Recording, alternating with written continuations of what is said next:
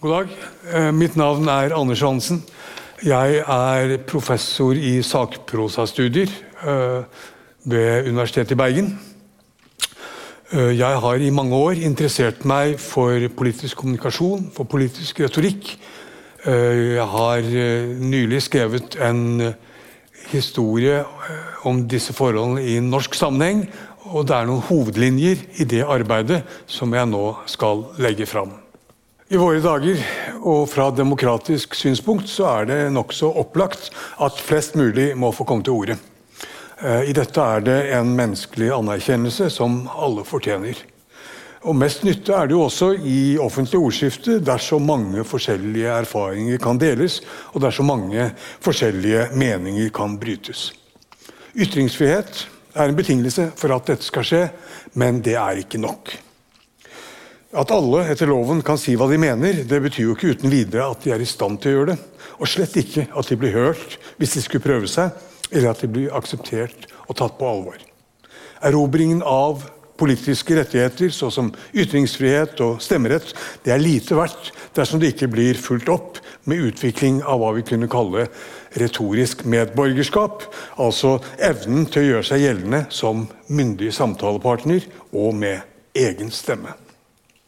I denne boken her, som nylig er blitt utgitt, den heter 'Komme til orde' og handler om politisk kommunikasjon fra 1814 til 1913. Og Der er det akkurat dette jeg har satt meg fore å undersøke, nemlig politisk kultur sett som fordeling av retorisk makt og avmakt.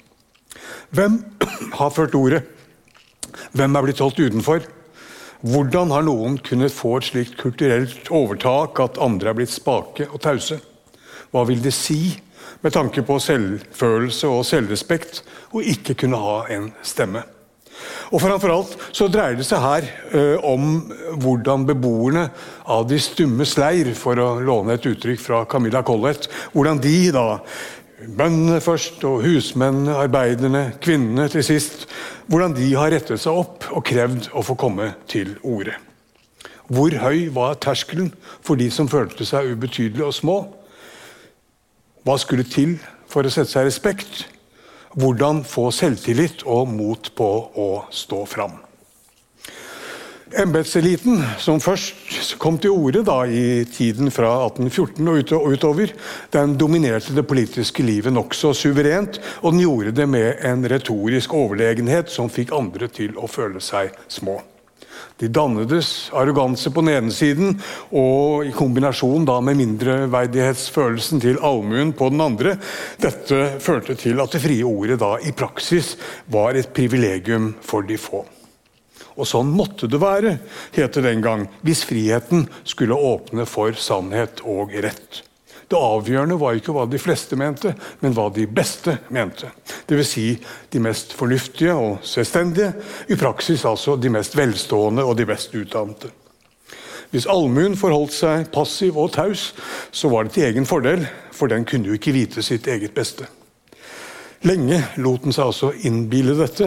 Den stolte på sine foresatte, og den tvilte på seg selv, omtrent som mindreårige barn overfor sine foreldre.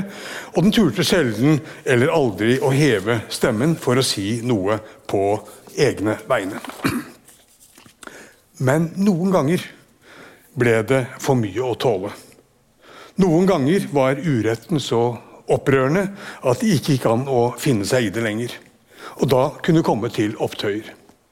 Men trusselen nedenfra den endra karakter ut gjennom det 19. århundre. Et mer eller mindre voldelig ordensproblem ble etter hvert omdannet til et mer eller mindre velinformert og velformulert politisk utfordring. Etter hvert som den folkelige opposisjonen kom til orde, så tapte de opprørske handlingene i betydning. Og til gjengjeld altså ble ordene mye farligere og mer radikale. Dette foredraget det faller nå i fortsettelsen i tre deler. Eh, først skal jeg snakke om handlingsspråk og voldelig konfrontasjon. Så skal jeg snakke om nær sagt det stikk motsatte, altså saklig og enighetsorientert dialog. Og til slutt skal jeg snakke om konfrontasjon igjen, men i språklig gjort form denne gangen, nemlig som agitasjon. Med Grunnloven av 1814 fikk selveiende bønder stemmerett. Etter dette var det i det store hele slutt med voldelige protester blant bondebefolkningen i Norge. Tidligere hadde det jo ofte hendt, eller ja, sjelden gang får vi si, hadde det hendt at uh, allmuen samla seg til aksjon når skattebyrdene var blitt urimelig tunge, eller når kornprisene ble urimelig høye. Kravene sine uttrykte de da ved å true seg fram. Myndighetspersoner ble antasta og ydmyket, og til sist kom de gjerne til konfrontasjoner med ordensmakten. I slike tilfeller så dreide det seg ikke om at massen kom ut av kontroll, som det gjerne het den gangen. Opprørerne visste som regel godt hvor grensen gikk når det gjaldt bruk av vold, og de holdt seg for det meste på den rette siden. Eh, forhatte øvrighetspersoner kunne bli trakassert på krenkende og skremmende måter, men uten å komme alvorlig til skade. Til gjengjeld kunne øvrigheten senere nøye seg med å straffe noen få. De anklagede visste hvordan de skulle spille dumme under avhørene. Anklagerne bestemte seg gjerne for å tro dem på deres ord. Så når misnøyen bare ble tydelig markert, og markeringen ble behørig straffet, så kunne resultatet bli et rimelig levelig kompromiss Eh, mange ganger. Visse lettelser kunne innrømmes, men uten at noen dermed ble innrømmet rett til å stille krav eller å framføre åpen kritikk. Det hele kunne ha et visst preg av skuespill, men dette skuespillet gikk i alle fall i bunn og grunn ut på at makta fikk anledning til å vise seg i all sin velde. Når urostifterne fikk svi, så ble det statuert et eksempel til skrekk og advarsel når andre fikk slippe billig, ble det klart at makten kunne la nåde gå for rett hvis den ville. Den folkelige misnøyens språk den besto altså for det meste av talende handlinger. Det var drastisk i formen når det en sjelden gang kom til utbrudd, selv om de politiske kravene som regel var av ganske beskjeden rekkevidde. Hva disse, disse, aksjonene tok sikte på, det var jo å få byrdene redusert til et nivå som etter sedvane kunne gå for å være rimelig og rettferdig. Det var ingen kritikk av samfunnets orden, ingen egentlig reformvilje. I høyden kunne det dreie seg om forsvar av gamle rettigheter, ikke krav om nye. Angrepsmål var bestemte personer som skulle ha misbrukt sin stilling. Det kunne være korrupte futer eller grådige handelsmenn, men aldri maktforholdene som de representerte. Opptøyer av dette slaget var enkeltstående lokale utbrudd, ofte med bakgrunn i en akutt nødsituasjon, uten sikte på varig organisering og videre framganger. Det var ingen som gjorde forsøk på å bruke rettsoppgjøret som talerstol for opprørske ideer. Og Dette mønsteret var i grunnen det samme overalt i Europa. I det gamle samfunn så gikk folkelige aksjoner typisk ut på å forsvare en truet tilstand, eller å gjenopprette en tilstand som var gått tapt. Målene var selvfølgelig brudd med all normalitet. Vold eller trusler om vold. Men målet var ikke noe annet enn å komme tilbake til det normale. Våren 1765 så fant bøndene i distriktet rundt Bergen grunn til å protestere mot nye skattebyrder. De dro til byen og trengte seg inn hos stiftsamtmannen, og provoserte han da med beskyldninger helt til han mistet besinnelsen og trakk sin korde. Og så slo de ham i ansiktet så blodet rant, og dro av ham hatt og parykk og rev klærne i stykker og trampet på ordensbåndet hans. Til slutt eh, dro de ham med ut på gaten framfor en stor og hissig folkemengde. Og så truet han på livet hvis han ikke eh, lovet å gi dem pengene tilbake med det samme. Og så fikk de tak i futen, som de dyttet og sparket og truet med å hive utfor bryggekanten. Og de dro ham gjennom gatene uten hatt og parykk og med sønderrevne klær, heter det i kildene.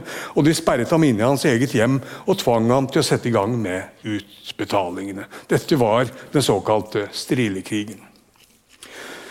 Da Statens undersøkelseskommisjon senere kom til byen med to krigsskip og fem kompanier soldater, så ble bøndene nødt til å gi fra seg alt de hadde vunnet.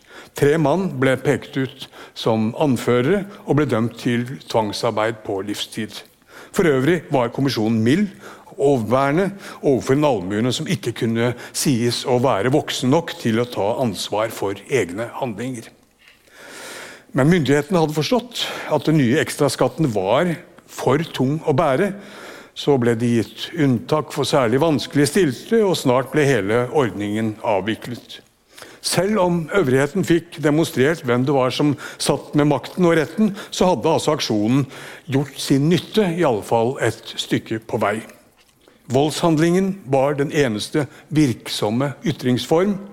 Dramatisk, om ikke så veldig skadelig, egentlig.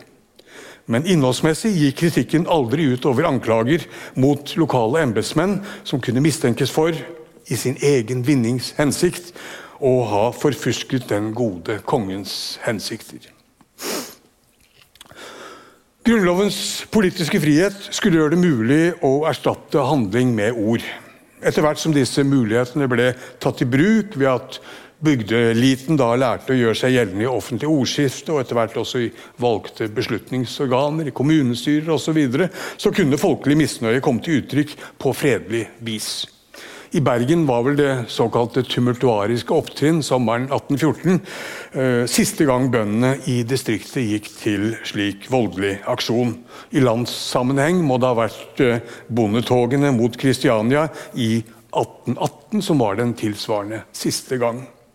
I stedet for den brå og sporadiske vekslingen mellom underdanig lydighet og fysisk aggresjon, så kom det nå en åpnere og mer regulær kritikk som så å si ble bygd inn i systemet. Opposisjonen fikk en ny slags kontinuitet på denne måten. Det ble mulig å knytte an til skriftkulturens intellektuelle ressurser og til den såkalte høyere politikk. Og På den måten oppsto det betingelser for en avgjørende utvidelse av det politiske forestillingsrommet. Med videre utsyn og med mer grunnleggende prinsipielle overveielser. Fysiske håndgripeligheter kan være en reaksjon på en tyngende her og nå-situasjon. Men ideer som er bygd ut i skrift, kan rekke langt inn i alternative framtidige tilstander. Så I samme vending som motstanden ble pasifisert, så økte mulighetene for ideologisk radikalisering.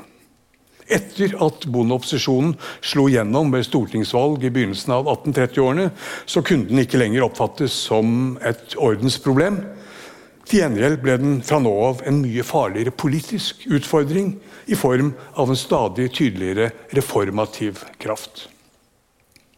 Og denne samme slags vending, da, fra handlingsspråk til verbalspråk, fra reaksjon til eh, reform, det skulle arbeidermotstanden komme til å gjennomgå 50 år seinere. Før den moderne arbeiderbevegelsen ble til, med organiserte faglige og politiske kampmidler, så var opptøyer med slåsskamper og hærverk nær sagt den eneste mulige måten å gjøre seg tydelig forstått på. I Bergens historie er potetkrigen i 1868 vel det første utbrudd av misnøye som byens egen allmuebefolkning sto bak. Før hadde håndverkere og tjenestefolk for det meste vært tilskuere til bøndenes aksjoner, men denne gangen var de selv i føringen. Forsterkninger fikk de da fra skipsverftene og fra de mekaniske verkstedene ute i forstedene. Bergen, I Bergen var vel dette siste gang at trusselen nedenfra tok form av klassiske matopptøyer. Og det var siste gang også at militære styrker ble satt inn mot militærbefolkningen. Verken før eller siden har det gått så hardt for seg som da. Det begynte med krangel på torget. Handelsloven var blitt liberalisert. Det var blitt mulig da, å kjøpe opp bøndenes eh, produkter og selge dem videre med fortjeneste. Og dermed ble poteter og andre livsnødvendige varer ble fordyret. Folk som hadde dårlig råd, ville ha oppkjøpene bort, sånn at de kunne handle direkte med bøndene igjen. Hele sommeren hadde det vært knuffing og krangling på torget. Og så toppet det seg da en lørdag ettermiddag i august, da en mann ble arrestert for å ha fjernet en uh, tønne med poteter. Så strømmet det til med folk som krevde ham løslatt fra arresten. En politimann forsøkte å rydde opp. Han ble lagt i bakken. Og så var det sånn at det ene tok det andre. Politiet tilkalte etter hvert militære forsterkninger. Flere ble arrestert, og så brøt det løs med gatekamper i Bergen. Tusener hadde da samlet seg på torget for å kreve arrestantene løslatt. Politimesteren prøvde å tale dem til rette, men han ble møtt med steinkasting og skjellsord. Demonstrantene prøvde å bryte seg gjennom soldatenes rekker. Prøvde å ta fra dem geværene, men de ble drevet tilbake med kolbeslag i første omgang. Da kampene tok seg opp, ble det gitt tillatelse til å skyte med skarpt. Da det så ut til at aksjonistene skulle klare å bryte gjennom sperringene, styrtet soldatene fram med bajonettene påsatt. Det var dette som avgjorde saken. Eh, mange ble såret, resten trakk seg tilbake. Utpå kvelden så kom det til trefninger, trefninger igjen, etter at en liten hær hadde væpnet seg med stokk og staur fra markene utenfor byen. Men de måtte gi tapt etter noen harde runder mot sabler og bajonetter. Og så var det over. I ukene etter så ble byen kontrollert av store militære styrker. Etter omfattende avhør ble mange dømt, de fleste til kortere fengselsstraffer, men noen også til straffarbeid i inntil seks år. Retten fant grunn til å understreke at det dreide seg om en ordensforstyrrelse som riktignok var svært alvorlig, men som tross alt ikke var direkte samfunnsnedbrytende av politisk tendens. Demonstranten hadde visstnok under påvirkning av sterke drikker vært utsatt for en kollektiv stemningsbølge. De kunne ikke ha vært riktig klar over hva de gjorde, og hva det innebar. Opptøyene synes derfor ikke på noe punkt at havet antaget noen særdeles farlig karakter, hvor betenkelige og beklagelige de enn for øvrig må erkjennes at havet bæret, ifølge retten. Farligere ble det først i 1885, da den danske snekkersvennen Sofus Pil kom til byen og stiftet Bergens eh, demokratiske arbeiderforening. Det ble holdt regelmessige møter, det ble utgitt en ukeavis, i løpet av første måned ble det vervet mer enn 200 medlemmer. Det hele gikk fredelig for seg, med tålmodig organisasjonsbygging og skoleringsarbeid. Men målet var altså ytterliggående radikalt. Det dreide seg ikke bare om prisen på poteter. Den nye foreningen var erklært sosialistisk. I tilknytning til foreningen ble det så i 1885-86 dannet 14 fagforeninger med til sammen over 1500 medlemmer. I mai 1886 startet den første organiserte streik i byens historie. Klassemobiliseringen var ennå svak og uutvikla, men den hadde altså slått inn på en helt ny vei. Mot slutten av det 19. århundre så kom uroligheter i arbeidermiljøene til å dreie seg mindre om skatter og priser enn før, og mer om lønninger. På de nye, store industripregete arbeidsplassene så var gammeldags personlig lojalitet til en mektig foresatt det var nå i ferd med å vike for solidaritet mellom likemenn som hadde oppdaget at de befant seg i samme båt. Tydeligere enn før kom forholdet mellom arbeid og kapital i dagen som en upersonlig interessekonflikt. Arbeiderne begynte å innse at de var nødt til å opptre samlet hvis de skulle komme noen vei, men hvordan sette makt bak kravene? Streik er jo et effektivt våpen, men uten opp store oppsparte fond så var det ikke mulig å holde ut så lenge at kapitalen virkelig ble satt under press. Vellykket bruk av streikevåpenet forutsatte en sterk fagbevegelse.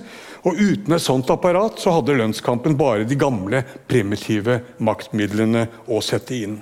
Før den moderne arbeiderbevegelsen ble til, så var arbeidsstans, streik altså, det var ofte en anledning til hærverk og trusler om fysiske overgrep. Den tidlige industrialderens såkalte maskinknusere de var, som den engelske historikeren Erik Hopsbaum har påvist, de var jo slett ikke motstandere av ny teknologi i og for seg, men de var forhandlere uten fagforeningsmakt. Det å sabotere produksjonsutstyret eller å ramponere bedriftseierens hus eiendom, eller true med å gjøre det, det var omtrent det eneste de kunne foreta seg for å tvinge fram en innrømmelse i en arbeidskonflikt. I hovedstaden var det den såkalte Skibbykrigen i mai 1880. Det var iallfall en av de siste uh, større og typiske ytringer av denne gamle opprørstradisjonen. Arbeiderne på teglverkene i byen hadde krevd lønnstillegg. Flere av eierne skal ha vært villige til å gi etter hvis bare alle ble med, men direktør Skibby hadde satt seg imot enhver innrømmelse. Og I møte med arbeiderne hadde han også vist seg brysk og avvisende. Det var han som sto i veien for arbeidernes krav. Reaksjonene rettet seg i stor grad mot ham personlig. Så lenge paternalismen eh, hang igjen i arbeidslivet, så var alle forbindelser mellom eier og ansatte av vesentlig da moralsk og personlig art. Både underordning og motstand, både respekt og fiendskap. Da streiken brøt ut, så lovet arbeiderne Skibby at han skulle få bank. Inne på bedriftsområdet ble han omringet av en stor, truende mengde. Han prøvde å søke tilflukt oppe på loftet over teilovnen og forsvarte den smale trappen opp med øks i hånd. Da ropte de at han var en hedning og en gris, og de skremte ham med stokker som de stakk opp gjennom gulvet, om et regn av stein mot veggene fra alle kanter. Først da lensmannen kom til stede, ble han sluppet fri. Men hjemme var det jo heller ikke trygt. Der gikk demonstrantene grundig til verks. Marmorbordene i hagen ble smadret, verandaen ble brukket i stykker. Snart fantes det ikke et helt vindu i hele huset. Familien søkte tilflukt i andre etasje, mens sønnen i huset da voktet trappen med ladd gevær. I første etasje ble speil og lamper knust, osv. osv. Aksjonen varte ikke lenge, den førte ikke fram. Uten ressursene til en moderne fagorganisasjon så var en streik som denne dømt til å mislykkes hvis den ikke kunne klare å presse fram en øyeblikkelig avgjørelse. Det dreide seg ikke om blindt hat eller om vill ødeleggelsestrang, slik som en forskrekket borgerpresse ville ha det til.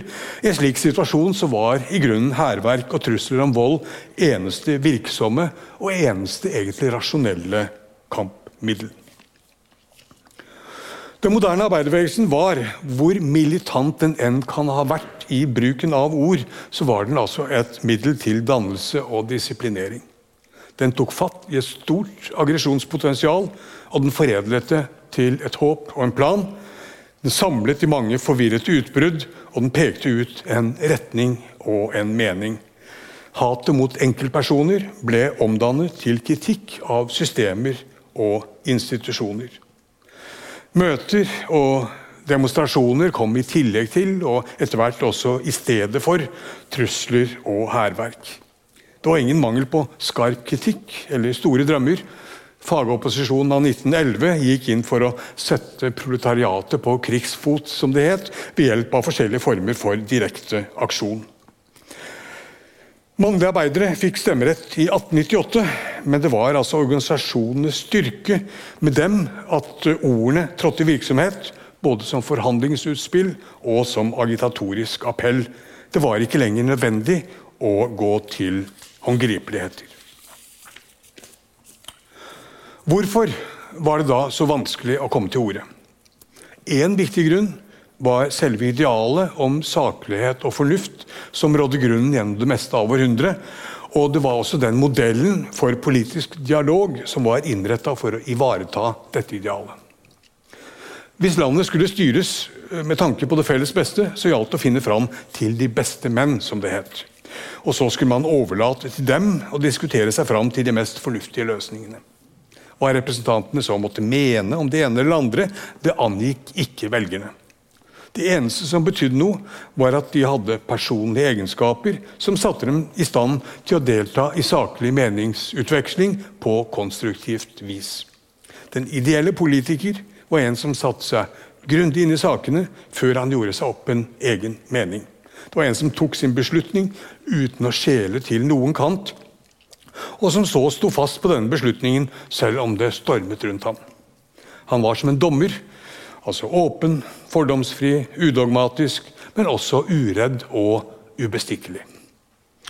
Han var mottakelig for gode motargumenter, men lot seg ikke presse. Som en dommer var han nettopp upartisk, innstilt på å lytte til alle parter. Og framfor alt var han myndig, altså karakterfast og uavhengig. Slike folk var det man skulle velge, ikke representanter for det ene eller annet politiske oppfatning. Dette idealet tilhørte da en politisk kultur som satte sin lit til fornuften. Det var nettopp for at den politiske prosessen skulle åpne, altså at den skulle føre til mest mulig fornuftige beslutninger, at deltakerne måtte være i stand til å fristille seg fra alle slags bindinger og alle avhengigheter av ethvert slag. Hvis alle bare var innstilt på å lytte til hverandre, det gikk man iallfall ut fra. Og Hvis ingen låste seg i utgangspunktet, men alle sto fritt til å bedømme argumentene på selvstendig og rent fornuftig grunnlag, og hvis ingen var ute etter å mele sin egen kake, bare etter å finne den løsningen som var til beste for alle, ja, da ville man jo til sist kunne komme til enighet ved at de beste argumentene seiret. Man rådslo, man veide for og mot, og så lot man da den mest forstandige få rett. Så lenge dette idealet var levende og forpliktende, så var det klart at den politiske prosessen bare kunne engasjere noen ganske få.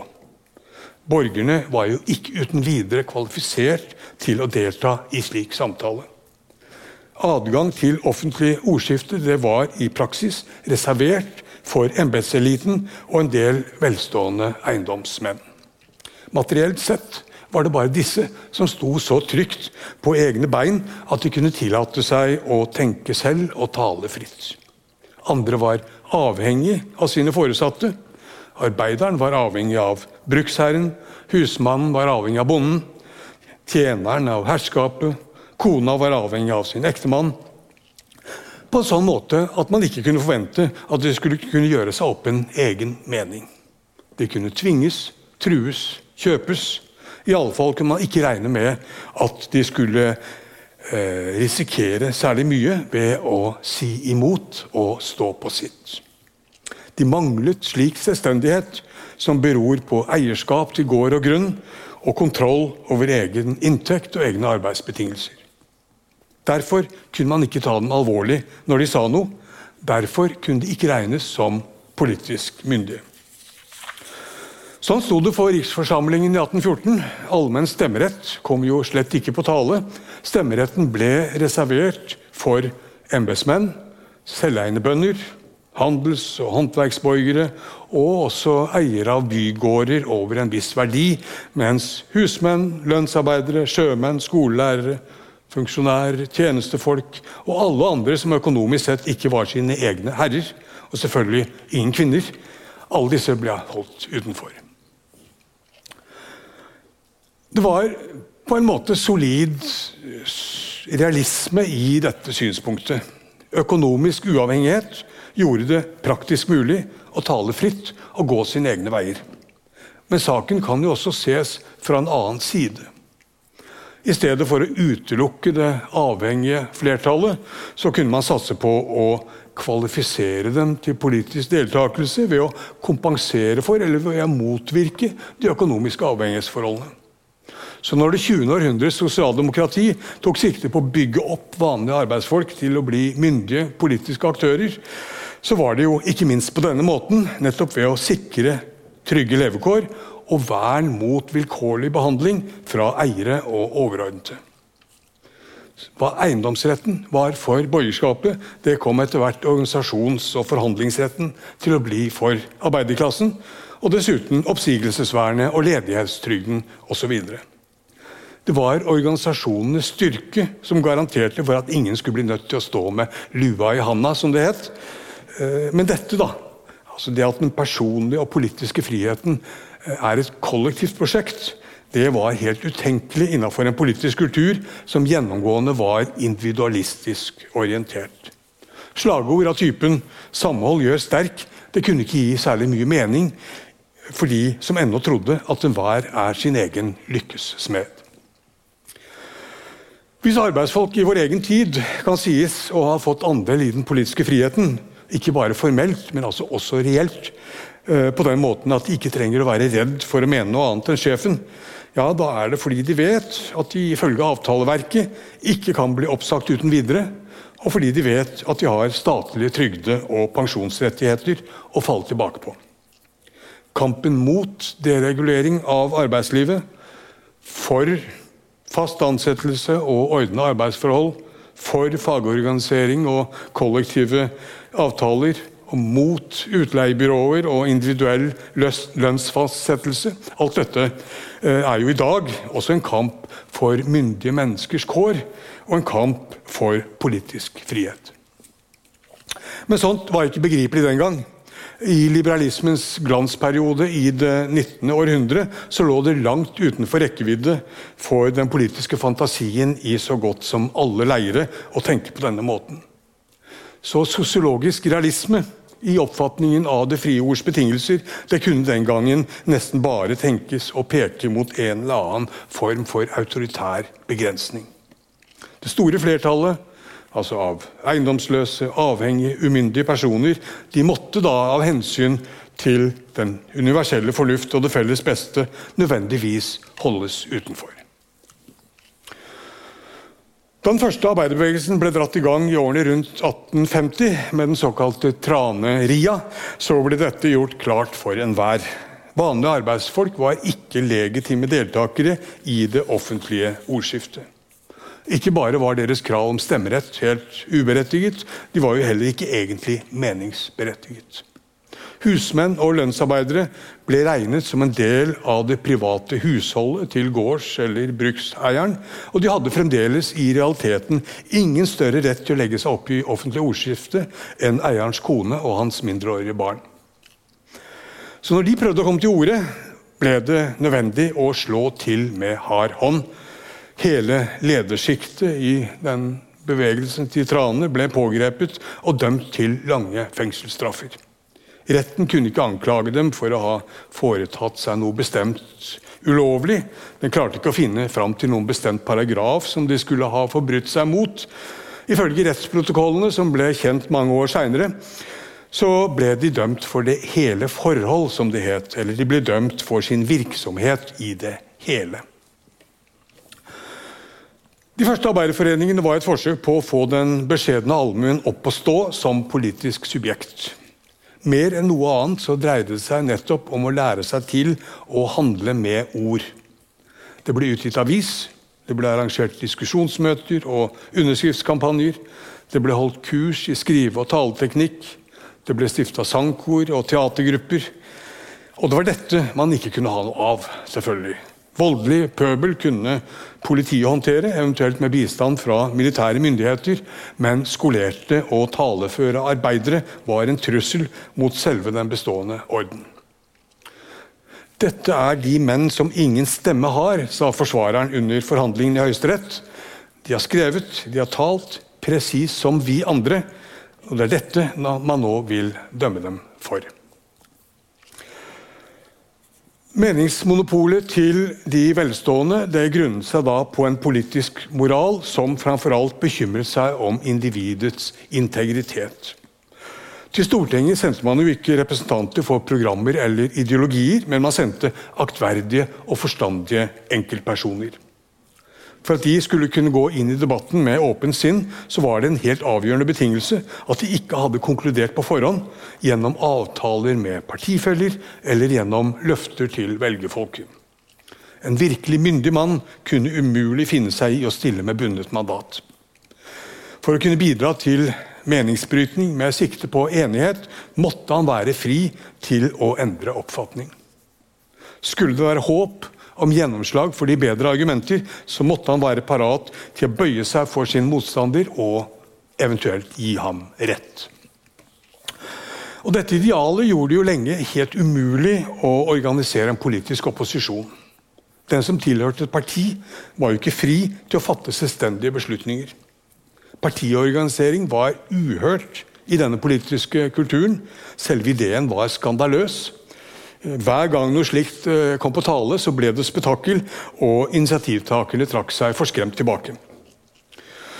Morgenbladet slo fast, som den gangen var en konservativ avis, den slo fast at det ikke sømmet seg for landets eh, beste menn å la seg drive som en saueflokk frem i tingsalen. Å bøye seg for partiets flertall og se seg nødt til å stemme mot sin egen overbevisning, det var en skam, selvfølgelig. Men hovedproblemet var at man dermed kom i Stortinget med ferdig oppgjorte meninger. De som lar seg binde til et forut oppstilt program, skrev Morgenbladet, de har jo i realiteten gått sammen om å komme Stortinget i forkjøpet. Et slikt program går nødvendigvis ut på at avslutte og tillukke hva der ennå bør holdes åpent, altså på at gjøre drøftelsen umulig eller avmektig. Kan man da si at det politiske livet i Norge noen gang levde opp til dette idealet om rådslagning blant landets eh, beste menn? Tja, altså fram til partidannelsen i 1880-årene. Et stykke på vei, i det minste. Historikeren Francis Sejersted har vist til en relativt åpen meningsdannelse som bidro til å redusere politikkens preg av maktkamp. Det var diskusjon mellom enkeltpersoner, mer enn tautrekking mellom interessegrupper, hevder Sejersted. Og denne diskusjonen utmerkes ofte ved sin åpne og sitt fritt resonnerende preg. Og Hvis debatten noen gang fungerte på denne måten, at den hadde mer preg av dialog enn kamp, så var det jo ikke minst fordi det politiske miljøet var så lite og så enhetlig. Deltakerne kom fra mer eller mindre samme klasse og sjikt. Det var ikke noen grunnleggende interessemotsetning mellom dem.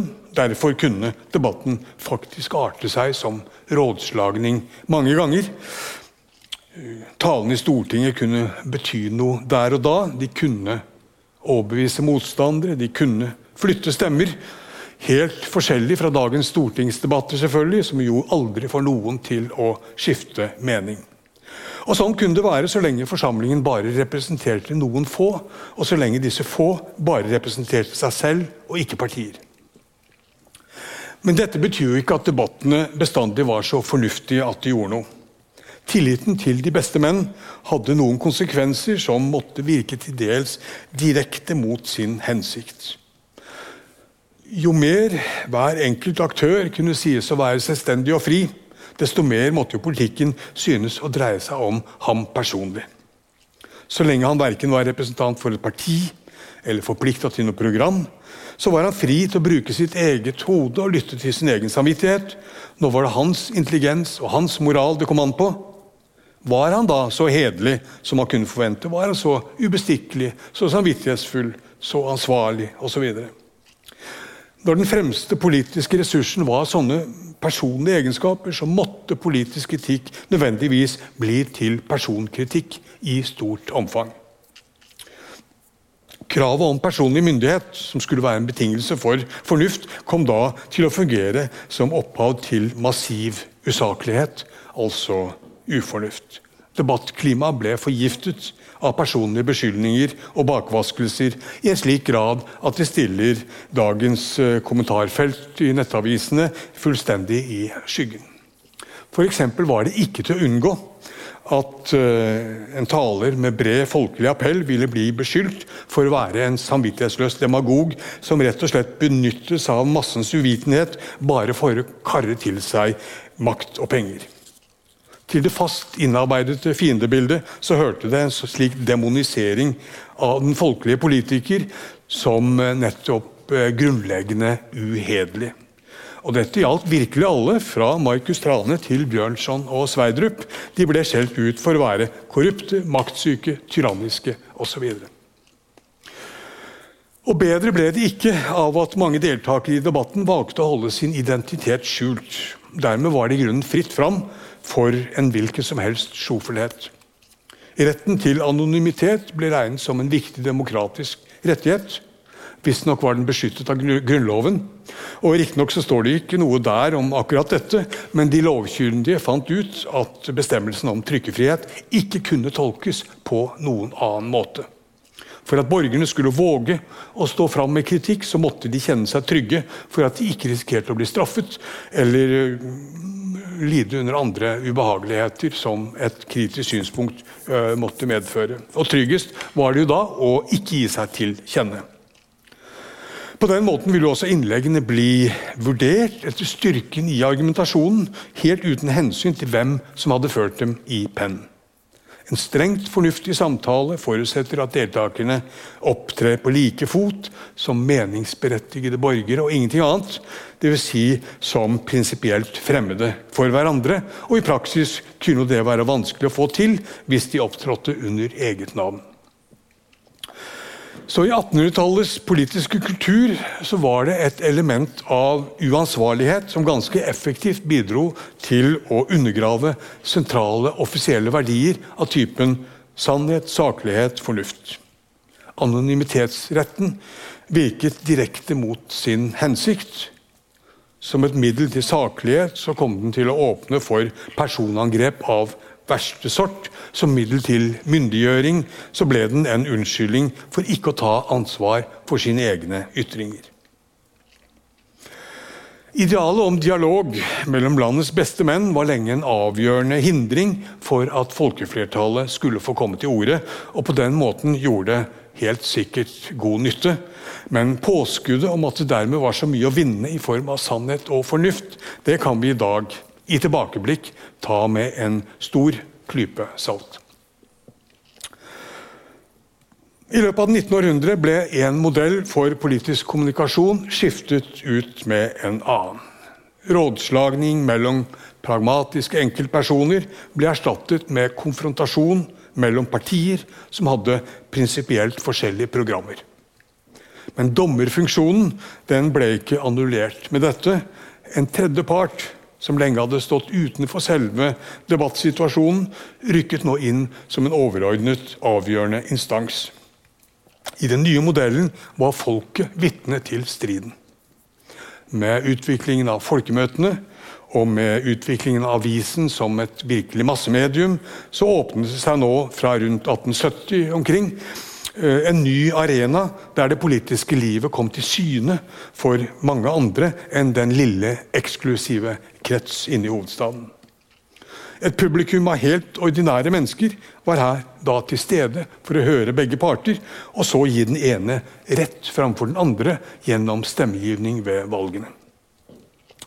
Velgeroppslutning berodde ikke lenger på tillit til at kandidatene var moralsk oppegående personer og rakrygget osv. Men det berodde fra nå av på overbevisning om at saken de sto for, var god og rettferdig. Mens velgerfolket før hadde holdt seg for god til å prøve å binde kandidatene ved å be om innsyn i deres politiske vurderinger, så måtte kandidatene fra nå av prøve å vinne velgere ved å agitere for sin sak. Dette er jo i dag en selvfølgelighet, men det var det den gangen slett ikke. Mens det før var et ideal at debatten mellom folkets representanter fant sted med hver av deltakerne som en upartisk dommer, så var tanken fra nå av at debatten mellom partiske representanter kunne utspille seg overfor sivilsamfunnet i full åpenhet og med velgerfolket som dommer. Så mer eller mindre uforsonlige interessekonflikter fikk nå spille seg ut i dette nye trekantforholdet. Og allikevel var det i denne modellen også noen momenter av fornuftig rådslagning, eller deliberasjon, som han kalte det. Grundige forberedelser i partiorganisasjonene ga jo noen betingelser for veloverveid ytring som ellers ofte kunne mangle når representantene måtte orientere seg på egen hånd, ofte i uoversiktlige debattsituasjoner, og når du måtte ta stilling til nye innspill mer eller mindre på sparken. Det store publikum lot seg selvfølgelig bevege av både saklige og usaklige hensyn, men de kunne jo også samrå seg på sitt eget hold i omgang med lokale opinionsledere, enten det var i foreningene eller på arbeidsplassene eller i nabolagene, før de omsider gjorde seg opp en mening. Så selve ordskiftet tok ikke form av åpen, ikke åpen form av rådslagning. Det er nok så men hele prosessen med offentlig meningsdannelse inneholdt likevel mange innslag av kritisk prøving, reflektert avveining osv. På sånn måte at den ivaretok noen eh, grunnleggende rådslagningsfunksjoner som regel. Og når alt kom til alt, så kan det være at det ikke var noe mindre fornuft i åpne partikamper enn det var i forvaltningen av enighet innenfor den lille eksklusive krets av de såkalt beste. Men for den som fremdeles tenkte politisk kommunikasjon gjennom den gamle modellen, så var dette alt annet enn opplagt. Fra dette synspunktet så vil jo enhver tendens til å svekke den gjensidige, forpliktende dialogen til fordel for kampscener framfor et publikum, det ville måtte oppfattes som et skremmende forfall. Skiftet av, altså modell for politisk kommunikasjon det var en treg og konfliktfylt prosess. Den dro ut i mer enn 30 år. Og I disse årene sto det strid om nesten hvert eneste element i modellen. Ikke bare om taleren og hans uavhengighet, Ikke bare om partigruppen og dens ferdiglagte meninger, men også om henvendelsens form. Skulle den være konfronterende eller enighetsorientert? Det gjaldt også spørsmål om appellen, om den skulle være lidenskapelig eller rent fornuftig. Øh, og selve debattstillingen. Sto man overfor hverandre som likeberettigede like debattanter, eller sto man overfor et publikum av mer eller mindre uansvarlig karakter? En mengde eller en pøbel eller en masse, som det het fra konservativt hold. Disse stridighetene da, de toppet seg i den store forfatningskampen tidlig på 1980-tallet, da venstrebevegelsen tok et avgjørende oppgjør med kongemakt og med byråkratisk formynderi. Denne kampen var voldsom, den var bitter og uforsonlig. Forholdet mellom partene var preget av mistillit og fiendskap.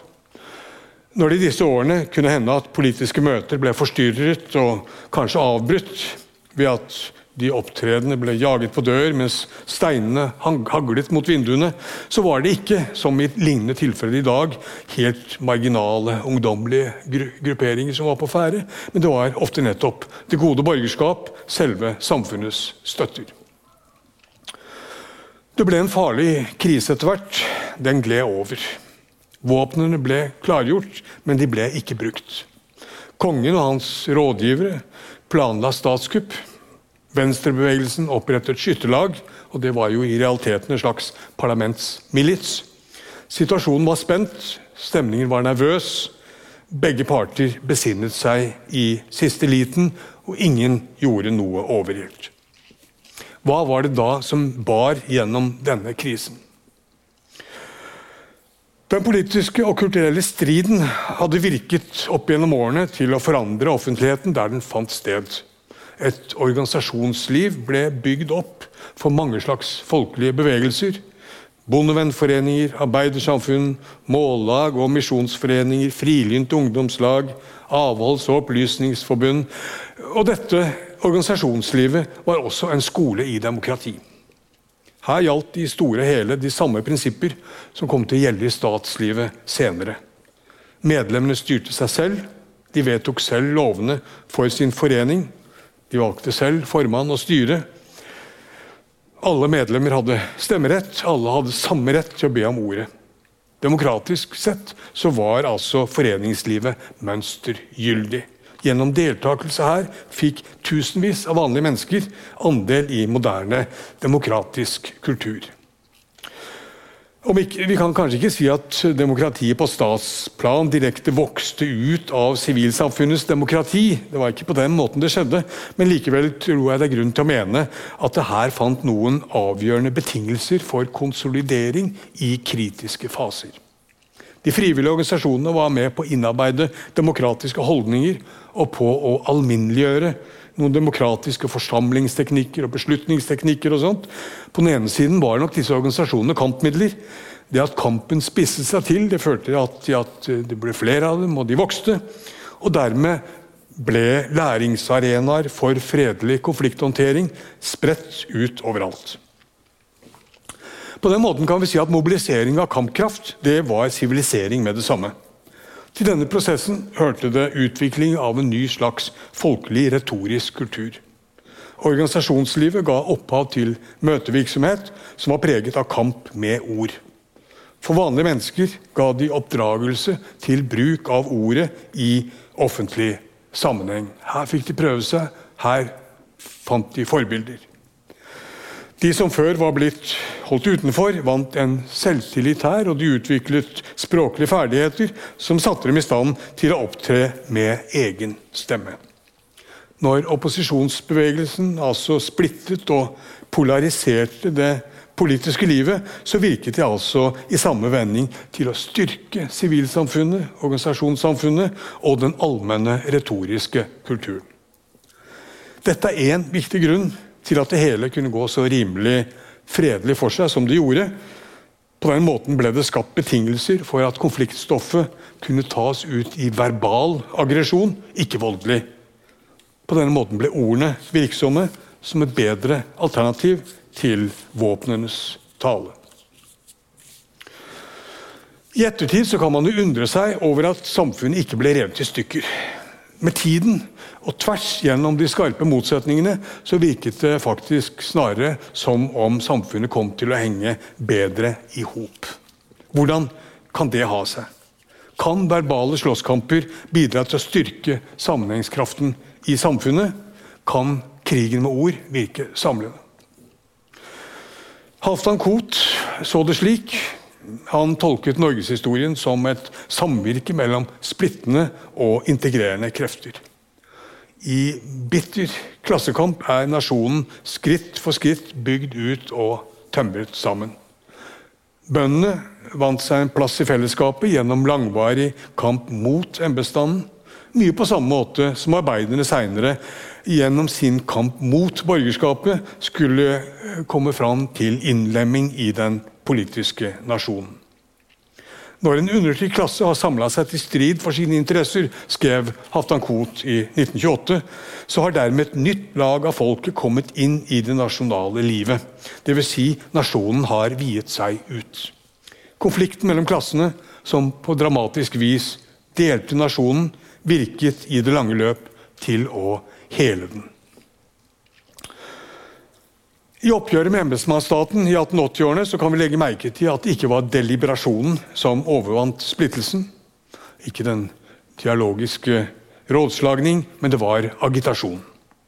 Den var ikke direkte innretta på enighet. Tvert imot, egentlig. Men i det lange løp så var det likevel en slags grunnleggende enighet som den munnet ut i. Idealet om rådslagning med tanke på det felles beste den hadde man bare kunnet praktisere så lenge det store flertallet ble holdt utenfor. Og det var med en helt annen kampretorikk at opposisjonen nå klarte å slå seg fram og åpne et rom for bred folkelig deltakelse. En liten, eksklusiv embetskaste ble tvunget til å dele makten med langt flere, som dermed ble sluppet inn. Forutsetningen om at noen få, og spesielt kvalifiserte, burde få styre på vegne av alle andre, det hadde tidligere skapt noen farlige avstander, og, uh, noen farlige avstander mellom døve og, og, stumme. Egentlig samfunnsoppløsende var vel kanskje dette formynderiet til eliten vel så mye som demagogenes såkalte oppvigling av massene. Det å bli holdt utenfor å bli stående som en fremmed overfor de politiske institusjonene, det å bli behandlet som umyndig, det kunne gi god grunn til å kjenne seg krenket. Det kunne hopet seg opp med forbitrelse til det endte med forferdelse. Men opposisjonen visste å sette følelser i kok ved hjelp av en skarpere og mer konfronterende tale for å vinne styrke ikke bare i form av det bedre argumenters tyngde, men kanskje først og fremst gjennom det større antallets tyngde, og så slå seg inn. Åpen retorisk aggresjon var ikke en fare for samfunnets fred, viser det seg nå, men kanskje det eneste rimelig fredelige middel til anerkjennelse og inklusjon. Så med disse konfrontasjonene i 1880-årene ble grensene om den politiske offentlighetens lille og trange rom sprengt ut. Politikken inntok nye arenaer. Den nådde ut i nye grupper. Den utvikla nye former. Folkemøtene var den nye inkluderende arenaen hvor uforsonlige parter nå kunne komme sammen for å bekjempe hverandre. Det gjaldt ikke lenger å kunne resonnere med en motpart som man kunne komme til enighet med, men det gjaldt om å vinne tilslutning fra forsamlingen for å smadre motstanderen. Man måtte da kunne rive med seg store folkemengder. Det krevde et nytt og mer hardtslående språk. Et sånt språk som Bjørnson var ekspert på. Han var den fremste av alle Venstres store folkemøtekanoner. Et språk som var enkelt, emosjonelt, med korte, muntlige setninger. Gjerne konsentrert om et slående bilde og med stadig gjentakelse av noen få minneverdige formuleringer. Folkemøtene var mobiliseringstiltak for politisk aksjon, og samtidig var de, og helt uatskillelig fra dette, så var de altså en skole i samfunnslære og veltalenhet, og de var et populært underholdningstilbud med det samme. Disse møtene virket opplysende, tross alt, og de virket samlende. Olaus Arvesen, som selv opptrådte på mange av disse møtene på vegne av Venstre, han har i sine erindringer omtalt dem som en skole i folket som er av langt større betydning enn alle andre skoler til sammen. Selv om det kunne gå hardt for seg og skape mye uvennskap, så var det klart at disse møtene framkalte interesse for spørsmål som kunne angå enhver, og dermed også en følelse av medansvar for disse spørsmål. Nettopp ved å engasjere seg i striden var det at hver og en, både høy og lav, nå kunne føle seg som meddelaktig i de saker som det sto strid om, idet det for hver av dem var det felles fedrelands ve og vel som syntes å stå på spill, ifølge Arvesen. Over tid skulle disse verbale gladiatorkampene så gi et bidrag av største betydning til produksjon av sosial samfølelse. Det er, skrev Arvesen, knapt noe i folkets liv og historie som har maktet sterkere å innarbeide begrepet 'felles fedreland' i alle sinn enn disse møtene med opprivende sammenstøt om saker av felles interesse. For gjennom dem ble bitre motstandere brakt sammen til en strid som de kunne oppleve som sin egen. Dette er vår strid. Forekomsten av åpen konflikt kan tas som et mål på stabiliteten i de sosiale forbindelsene. Sånn skrev sosiologen Georg Simmel i 1908. En viss mengde uoverensstemmelse og indre spenning og åpen kontrovers er organisk forbundet med selve de elementer som i siste omgang holder gruppen samlet. Hvis den ikke stadig hadde vært truet av hiv og strid, så ville enheten ikke vært mulig. Kjernen i Simmers tankegang det er omtrent som så at ved å gå løs på en motstander, så involverer man seg, tross alt. Kanskje har partene ikke hatt noe med hverandre å gjøre tidligere, og nå blir det opprettet en forbindelse. Det kan være at de lærer å avsky hverandre, men dermed er de iallfall ikke lenger likegyldige overfor hverandre. Hvis de skjeller hverandre ut, så har de iallfall kontakt. Konflikten bringer dem sammen, og når de utkjemper denne konflikten, så utvider og så intensiverer de sin deltakelse i det felles samfunnsliv. Så hva slags samfunn er det da som henger best sammen? Det er de som er fulle av forskjeller, avstander og motsetninger. Sosiologen Louis Coser han utvikla seinere dette poenget til Simmel i forlengelsen av, av Simmels skrifter. Og Da sa han det omtrent slik at åpne, pluralistiske samfunn de blir sydd sammen av en lang rekke forskjellige konflikter mellom grupper der medlemmene bare kjenner seg delvis berørt. Altså Jo flere konflikter, desto bedre, ser det ut til. Ikke bare virker de integrerende i og for seg, men de balanserer hverandre også hvis de bare er tilstrekkelig mange og forskjellige.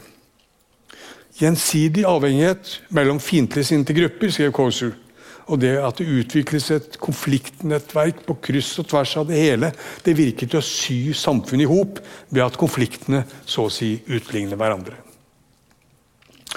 Omtrent slik var det statsvideren Stein Rokkan forsto den grunnleggende stabiliteten i det norske politiske livet selv i de mest opprivende kampsituasjonene. De kulturelle motsetningene mellom by og land, som altså har gått på språk, og religion og moral osv., de har lagt seg på tvers av de økonomiske klassemotsetningene som først og fremst har gått mellom arbeid og kapital. Og denne veven har gitt opphav til skiftende allianser og skiftende opposisjonsmønstre. Systemet ble ikke revet i stykker mellom to ytterpunkter, skrev Rokkan, men det bevarte likevekten ved at et stort antall konfliktlinjer krysset hverandre. De konservatives dialogmodell det var en harmonimodell. Eh, den forutsatte at enhver grunnleggende motsetning mellom dem og oss kunne fjernes fra det politiske livet. Dette var bare mulig dersom de andre altså mengden, allmuen, pøbelen osv., dersom de ble holdt utenfor. Om nødvendig altså med voldelige midler, som i tilfelle med Tranes arbeiderbevegelse. Venstres konfrontasjonsmodell den innebar at de andre trengte seg på, slik at motsetningen måtte spille seg ut i retoriske former. De fant seg ikke i å tie stille lenger. Det gikk ikke an å overhøre dem. Forholdet mellom dem og oss var ikke lenger en grense mellom innside og utside i det politiske fellesskap, men det var en konfliktlinje som gikk tvers gjennom det indre av det politiske fellesskapet. I en krisesituasjon så kan kanskje en slik indre konflikt tilspisses til den blir en egentlig antagonistisk kamp mellom venn og fiende. Men i det lange løp så er det utsikter til at en slik konflikt kan gå seg til som en agonistisk motsetning, for å si det med den belgiske statsviteren Chantal Mouffe. Altså en, en egentlig farlig eh, situasjon med en antagonistisk motsetning kan over tid gå seg til til en agonistisk eh, motsetning.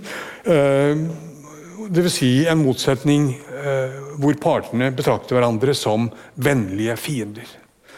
Vennlige fordi de er beboere av det samme politiske rommet, men fiender fordi de er rykende uenige om hvordan dette rommet skal innrettes. Forutsetningen for denne fredelige vendingen det er da at det politiske establishment blir tvunget til å akseptere at skillet mellom oss og de andre er en grunnleggende indre konflikt, og at de avstår fra å forsøke harmoni ved å fornekte dette skillet og vise det fra seg. Folkemøtene de brakte sammen mennesker som før ikke hadde hatt mye med hverandre å gjøre. Her kunne man altså gjøre seg ganske nyanserte erfaringer med folk som ellers for det meste var kjent på avstand, gjennom omtale, og som mer eller mindre karikerte typer, kanskje. Men så kunne man nå på kloss hold kanskje få øye på en slags felles menneskelighet. Her kunne gamle fiender begynne å ta ut konfliktene seg imellom innenfor et overordnet politisk fellesskap som de i samme vending bygde ut. Historikeren Yngvar Nilsen han var en av Høyres dyktigste og mest eh, aktive folketalere disse årene. Han var mer eller mindre et fast innslag i 1880-årenes politiske mannjevninger, og da fikk han stadig anledning til å møte de samme talerne fra Venstre. Sammen dro de fra sted til sted. Sammen opptrådte de i debattene som representanter for forskjellige partier, riktignok, men etter hvert også med en slags felles identitet som kamphaner og som folketalere. Gjennom skiftende miljøer og landskaper kunne denne faste kjerne av turnerende duellanter med tiden også komme til å kjenne seg som en slags enhet. I dagboksnotatene til Yngvar Nilsen så er det mange små glimt av den slags paradoksale prosesser. En gang skulle han av sted med dampskip til en liten by ved kysten for å strides med Erik Vullum fra Venstre. Nilsen selv var professor ved universitetet. Han var kongens venn og fortrolige. Vullum var en forsoffen journalist og skribent og prosposør og en berømmelig dranker. Her var to menn fra hver sin planet. De var sammen på reise. De var ført sammen av selve den dype uoverensstemmelsen som satte dem opp mot hverandre. Som reisefølge skulle de så lære hverandre å kjenne på nye måter. På den reisen kom vi ut for et forferdelig vær, skrev Nilsen, og jeg ble sjøsyk. Men Vullum tok seg av meg. Det var første gang jeg merket at der mellom oss folketalere kunne bestå en virkelig esprit de corps, en korpsånd uten partihensyn, og jeg har aldri glemt den vennlighet som her ble meg vist av en motstander. Denne dagen ute på sjøen begynte der hos meg at spire frem noe nytt, som efterhånden vokste til vennskap, og jeg tror sikkert at er gjengjeldt, skrev Yngvar Nilsen. Da dette skjedde, så var den store politiske krisen ganske nylig overstått. Kort tid før hadde Nilsen krevd bruk av harde midler for å slå fienden ned. Den tid må komme da selvforsvaret tar sin begynnelse, hadde han skrevet til prins Oskar. Morderen står over oss med draget sverd. I sitt svarbrev antydet prinsen da at kongen var innstilt på å opptre med fasthet, og Nilsen var tilfreds med det. Handles der, så må det være kort, bestemt og overraskende, skrev han tilbake. Ingen måtte tro at dette kom til å gå fredelig for seg. Garnisonen i hovedstaden var kanskje ikke fullt pålitelig. Kavaleriet skal være best, men mann ikke sjøguttene er de aller påliteligste, liksom hele flåten. Til den setter jeg mitt håp, skrev eh, Ingvar Nilsen til prins Oskar. Og Sånn var stemningen da, rett før det gamle regimet falt sammen. Blant de farlige folk så var Vullum en av de aller farligste. Nilsens minne fra dampskipet underveis til folkemøtet er et nærsynt lite glimt fra den lange og motsetningsfulle prosessen hvor selve fienden ble omdannet til en ordinær og legitim politisk motstander. I den grad folkemøtene kan sies å ha gitt opphav da, til en moderne demokratisk motstanderoppfatning, så var det altså på denne måten. Folketalere fra høyre og venstre kjempet om overtak på de samme arenaer, over de samme spørsmål.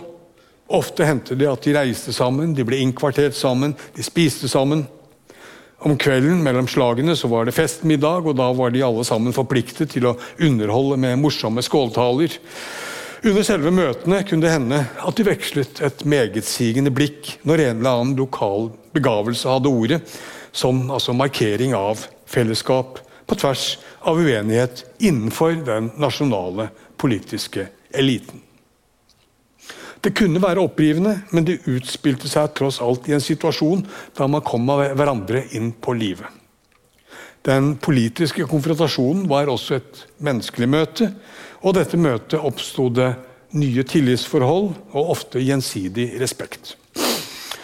Uenigheten kunne være like dyp som før, den kunne være like uforsonlig, men fra nå av utspilte den seg mellom parter som nølende begynte å anerkjenne hverandre som legitime politiske motstandere. Den andre var nå ikke en dialogpartner som han kunne rådføre seg med i all gemyttlighet, men han var heller ikke en fiende som skulle utryddes eller jages bort, om nødvendig med voldelige midler, som i en krig. Men den andre var en medborger med aldeles feilaktige oppfatninger, som så måtte bekjempes med alle tilgjengelige retoriske midler. Det jeg har forsøkt å få fram i dette foredraget, det er, kan jeg prøve å oppsummere i fem punkter. For det første at utviklingen av retorisk medborgerskap betyr sivilisering av den politiske striden. Og det først og fremst og mest grunnleggende på denne måten at den voldelige handlingen blir omdanna til virksomme ord. For det andre har jeg prøvd å få fram at en sånn språkliggjøring innebærer en radikal utvidelse av det politiske mulighetsrommet. For det tredje at idealet om dialog med sikte på enighet om det felles beste det har vært et avgjørende argument for å reservere den offentlige ordskiftet for en liten, eksklusiv krets. Sånn at utbredelsen av slikt retorisk medborgerskap det er blitt hindret og hemmet. For det fjerde har jeg prøvd å få fram at troen på ubundne og selvstendige enkeltpersoner som de egentlig meningsberettigede, det har ført til en giftig sammenblanding av sak og person, og dermed en forveksling av uenighet og uvennskap, som egentlig først partivesenet seinere har kunnet rydde opp i. Og så For det femte har jeg prøvd å få fram at politisk inklusjon det beror ikke på likhet eller enighet, først og fremst, men det beror på engasjement i en felles konfliktsituasjon. Takk for oppmerksomheten.